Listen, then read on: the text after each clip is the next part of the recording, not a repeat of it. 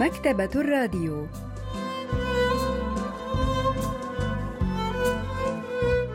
أهلا وسهلا بكم في حلقة جديدة من البرنامج الأسبوعي مكتبة الراديو الذي نستعرض من خلاله كتابا جديدا كل أسبوع.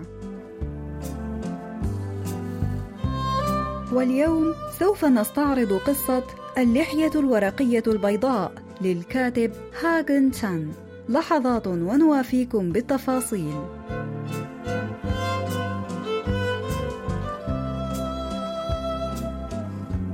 نشرت قصة اللحية الورقية البيضاء عام 1959 وهي قصة صبي اسمه دونجير كان يعيش في قرية صغيرة بعد الحرب الأهلية الكورية مباشرة. وقد أجبر والد دونجيل على العمل القسري أثناء الحرب. تبدأ القصة في اليوم الذي يعود فيه والده إلى المنزل بعد إنهائه المهام القسرية التي أجبر على أدائها.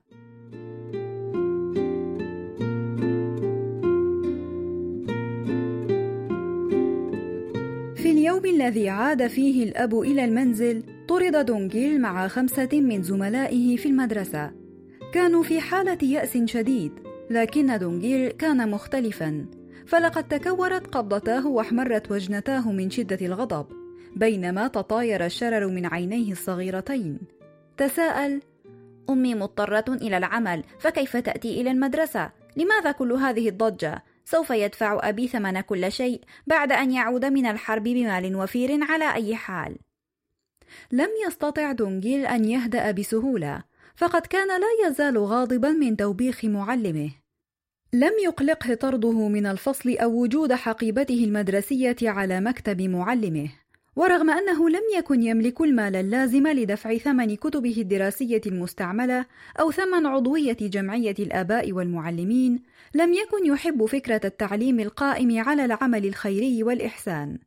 كان سعيدا لأنه ليس مضطرا إلى الدراسة، لم يكن يهتم بغضب معلمه منه، ولذلك لم يضايقه أن يطلب منه المعلم إحضار المال من منزله. ما ضايقه حقا هو أن المعلم قد أرسل يطلب من والديه الحضور إلى المدرسة. مع اضطرار والد دونكيل إلى المغادرة لممارسة العمل القسري في الحرب، تدهور حال أسرته، لدرجة أنهم أصبحوا عاجزين عن دفع مصاريف مدرسته.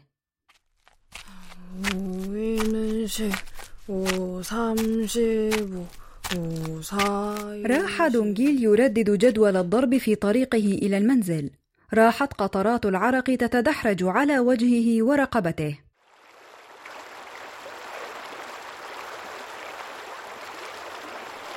كان يمسح حبات العرق عندما رأى صديقه يونغدول يلعب في جدول الماء. قال لنفسه إن يونغدول يلعب في الماء. يا لحسن حظه لأنه ترك المدرسة. وبينما كان يستعد ليخلع ملابسه وينضم إلى صديقه في الماء سمع صوت قطار يقترب.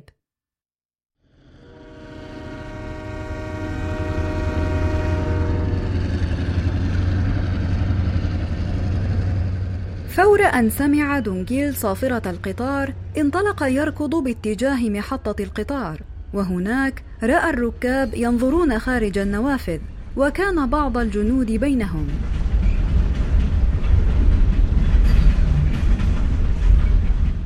رفع دونجيل ذراعيه وراح يلوح بهما بينما مر القطار وهو يطلق صافرته بجواره. كان الصبي مولعا بمشاهدة القطارات المارة تلك الأيام. قال لنفسه سوف يعود أبي إلى المنزل على متن قطار كهذا. أوه كم أفتقده. شعر بألم في صدره وهو يتخيل والده يجري الأعمال القسرية الشاقة. صاح. يا يونغ دول هل تراهنني؟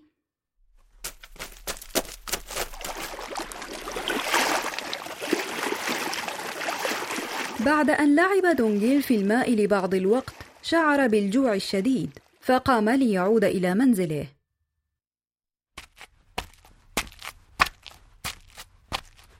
توقف فجأة عند بوابة المنزل عندما لمح شخصا ممددا في غرفة المعيشة.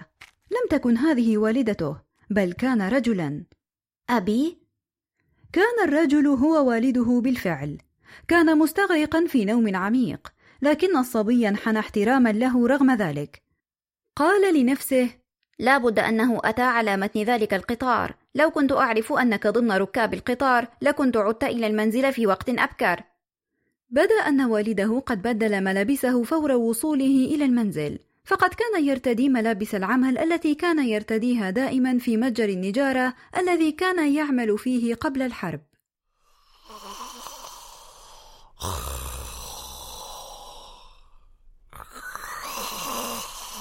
مر عامان عاد والده إلى المنزل بعد عامين كاملين راح دونجيل يتأمل والده في صمت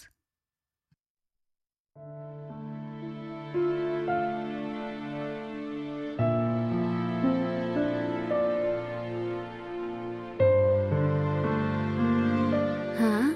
لكن ما الذي؟ شيء ما لم يكن على ما يرام اتسعت حدقة دونجيل بينما وقف فاغرا فاه. رفع الصبي واحدا من كمي قميص والده بيد مرتجفة. لا شيء. لم يكن هناك أي شيء داخل الكم. صاح. أمي لقد فقد أبي ذراعا. أحد ذراعيه مفقود. تنهدت والدته وهي تحمل العجين متجهة إلى المطبخ كي تعد الغداء. شعر بمعدته تزأر إذ رأى قطع العجين توضع في المرق. راح يبتلع طعامه في عنف. كانت ذكرى ذراع والده المفقود قد اختفت بالفعل. جلس دونجيل في الجهة المقابلة لوالده على مائدة الطعام. أثار حساء الفطائر المحشوة الساخن شهيته. فأخذ قطعة وفتح فمه عن آخره. أمسك الأب أيضا بملعقته. استخدم اليد اليسرى لذلك فقد كانت الذراع التي فقدها هي الذراع اليمنى. أشاحت الأم بوجهها بسرعة ووجهها يحمل تعبيرا حزينا. ألقى دونجيل نظرة على والده الذي لم يستطع حتى أن يحمل ملعقته بشكل صحيح. سأل في نفسه للأسف فقد ذراعه. الذراع اليمنى أيضا. ترى ما الذي حدث؟ احتسى دونجيل ما تبقى من الحساء وانزلقت قطرة من العرق على أنفه. صدم دونجيل حين اكتشف أن والده فقد ذراعه اليمنى أثناء الحرب بعد عامين كاملين من الغياب. لكنه سرعان ما ترك حاجاته الأساسية تقوده فانصب اهتمامه على طعامه والتهمه بالكامل دون أن يفكر في أمر والده من جديد. الناقدة الأدبية جون سو يونغ تحدثنا عن معنى الجوع في ذلك العصر 각종 인물들은 다 굉장히 평범하고 또 소박한 사람들이죠. أبطال القصة هم أناس عاديون متواضعو الحال ورغم أنهم لا يدركون تماما مشكلة المجتمع الذي يعيشون فيه ولا يشكون حالهم فمجرد مواصلة حياتهم اليومية بكل تفاصيلها الصعبة يرينا قدرة قسوة الواقع ودونجيل صبي ساذج يرى الواقع المأساوي بشكل أكثر تركيز فهو يصاب بالرعب في البداية حين يكتشف أن والده قد فقد ذراعه اليمنى ثم نسي الأمر برمته أمته حين جلس ليتناول غداءه وهذا المشهد يرينا قسوة الفقر الذي عايشته تلك الأسرة. اكتشف والد دونجيل في اليوم التالي أنه فصل من المدرسة لأن أسرته لم تدفع المصاريف الدراسية. قال دونجيل أبي أنا لن أعود إلى المدرسة سوف أتركها. رد والده توقف عن هذا الهراء واذهب إلى المدرسة. ركض دونجيل خارجا من المنزل فرارا من توبيخ والده لكنه لم يذهب إلى المدرسة بل إلى جدول الماء.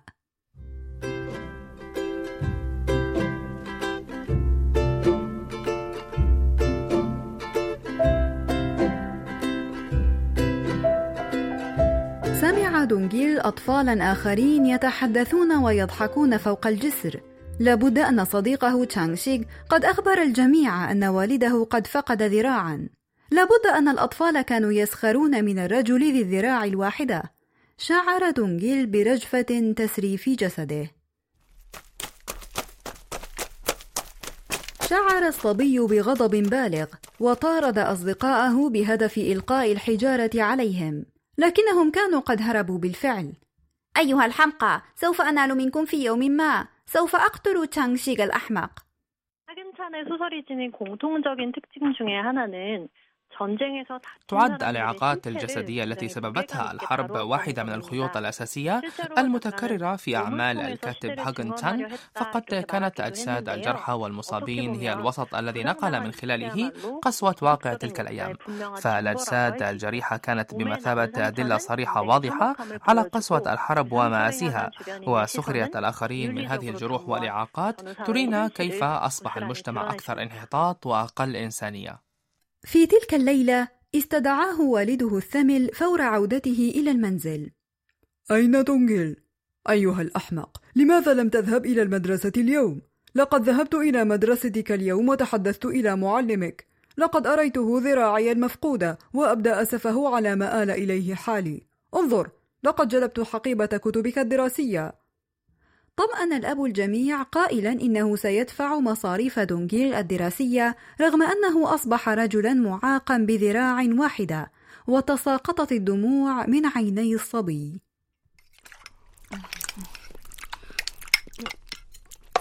قال الأب انظر لقد حصلت على وظيفة في دار العرض. لم أعد أستطيع العودة إلى النجارة لأن لي ذراعا واحدة الآن لكن هناك أشياء أخرى أستطيع أن أفعلها. سألته الأم: حقا هناك أشياء أخرى تستطيع أن تفعلها؟ أعلن الأب أنه حصل على وظيفة في دار العرض وسط عدم تصديق الجميع.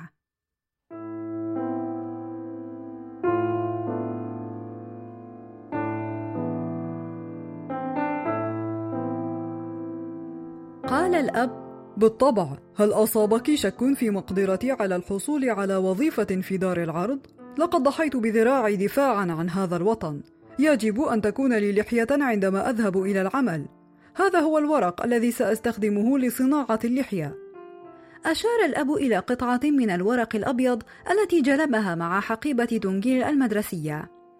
وفي ذلك الوقت أعلنت بداية الفيلم عبر مكبرات الصوت الموجودة داخل دار العرض.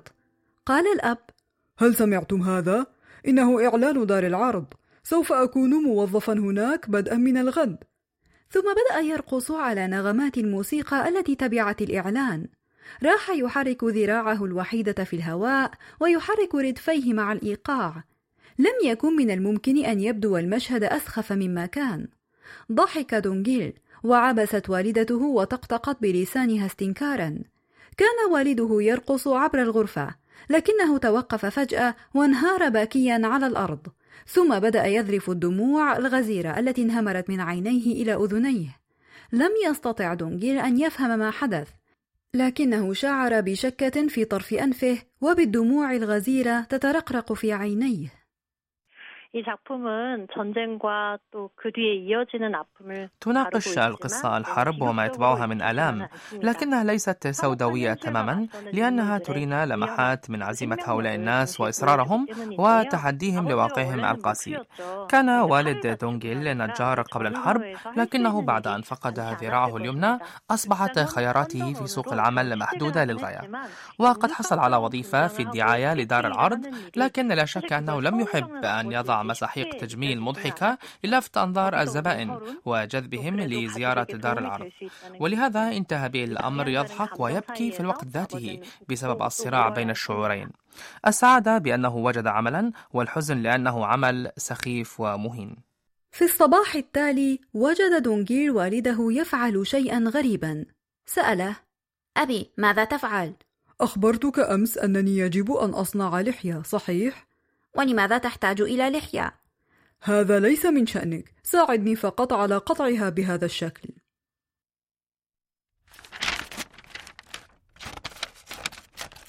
رسم والده لحية على الورقة التي كان قد جلبها في اليوم السابق وساعد دونجيل والده على قطع شرائط من الورق بواسطة المقص ثم لصقها معا ليصنع لحية ورقية. بعد الإفطار غادر دونغيل المنزل وهو يحمل حقيبة الكتب الدراسية تحت ذراعه. وغادر والده وهو يحمل اللحية الورقية.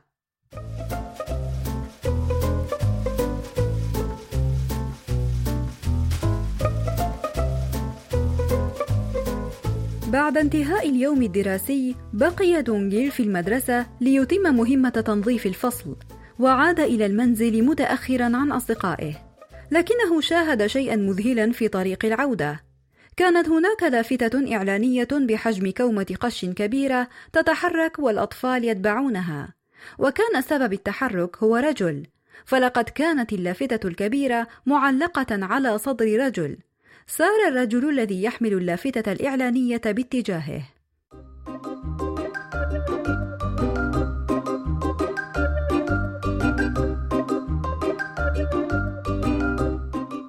الرجل يضع قبعة طويلة ملونة اسطوانية الشكل وقد نثر مسحوقا أبيض على وجهه وشعره. وكانت ذقنه مغطاة بلحية ورقية بيضاء. وكان ذلك الرجل الغريب يصيح بشيء ما في مكبر الصوت الذي يحمله. كان مشهدا عجيبا. قال الأب فيلم الليلة يظهر رجلا يحمل مسدسين. تعالوا لتشاهدوا الرجل ذا المسدسين. تعالوا جميعا. كان يقول هذا ثم يترك مكبر الصوت وكأنه محرج فيتبعه الأطفال وهم يصيحون. لسبب ما خفق قلب دونجيل بشدة وهو يشاهد المشهد باستمتاع. صاح الرجل الرجل ذو المسدسين إن فيلم الليلة يظهر لنا رجلا يحمل مسدسين. تعالوا لتشاهدوا الرجل جميعا. التقت عينا دونجيل بعيني الرجل الغريب. وهنا سقط قلبه بين قدميه. شعر أنه تلقى ضربة خلف رأسه وغرورقت عيناه بالدموع فجأة. إن ذلك الرجل الغريب الأحمق هو والده بالفعل. بدا الأب محرجا بعد أن رأى ابنه واستدار سريعا. شعر دونجيل أن طرف أنفه يشكه من جديد وغامت رؤياه بسبب الدموع. لا عجب أن الصبي شعر بالارتباك الشديد بعد أن رأى والده وهو يحمل لوحة الإعلان.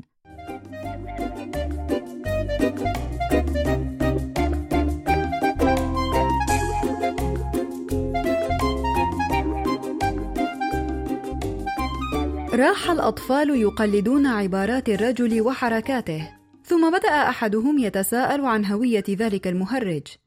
دونجيل أليس هذا والدك؟ يبدو مضحكا. في تلك اللحظة شعر دونجيل بالدماء تتصاعد إلى وجهه. مسح دموعه وهو يشاهد أحد زملائه يضرب اللحية الورقية بعصا. وشعر بألم بالغ من سخرية الأطفال من لحية والده الورقية.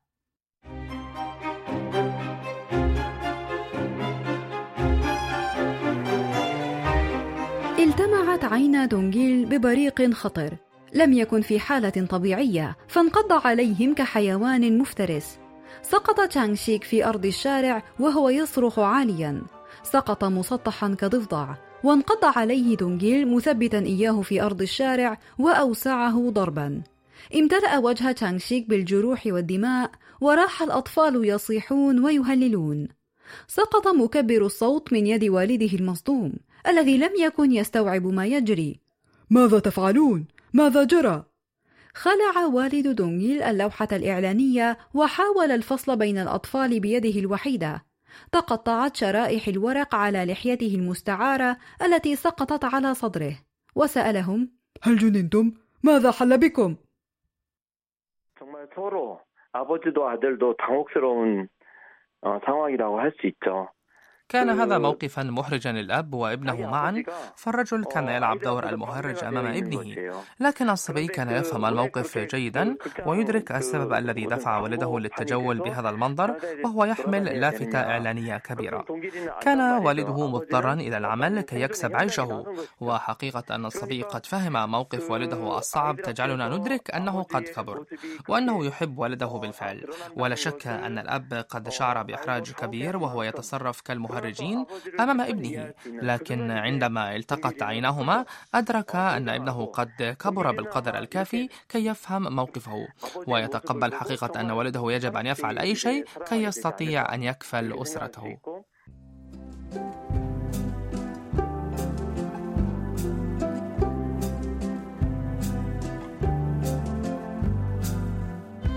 استعرضنا معا قصة اللحية الورقية البيضاء للكاتب هاغن تان وإلى اللقاء في الأسبوع القادم مع كتاب جديد ومبدع جديد.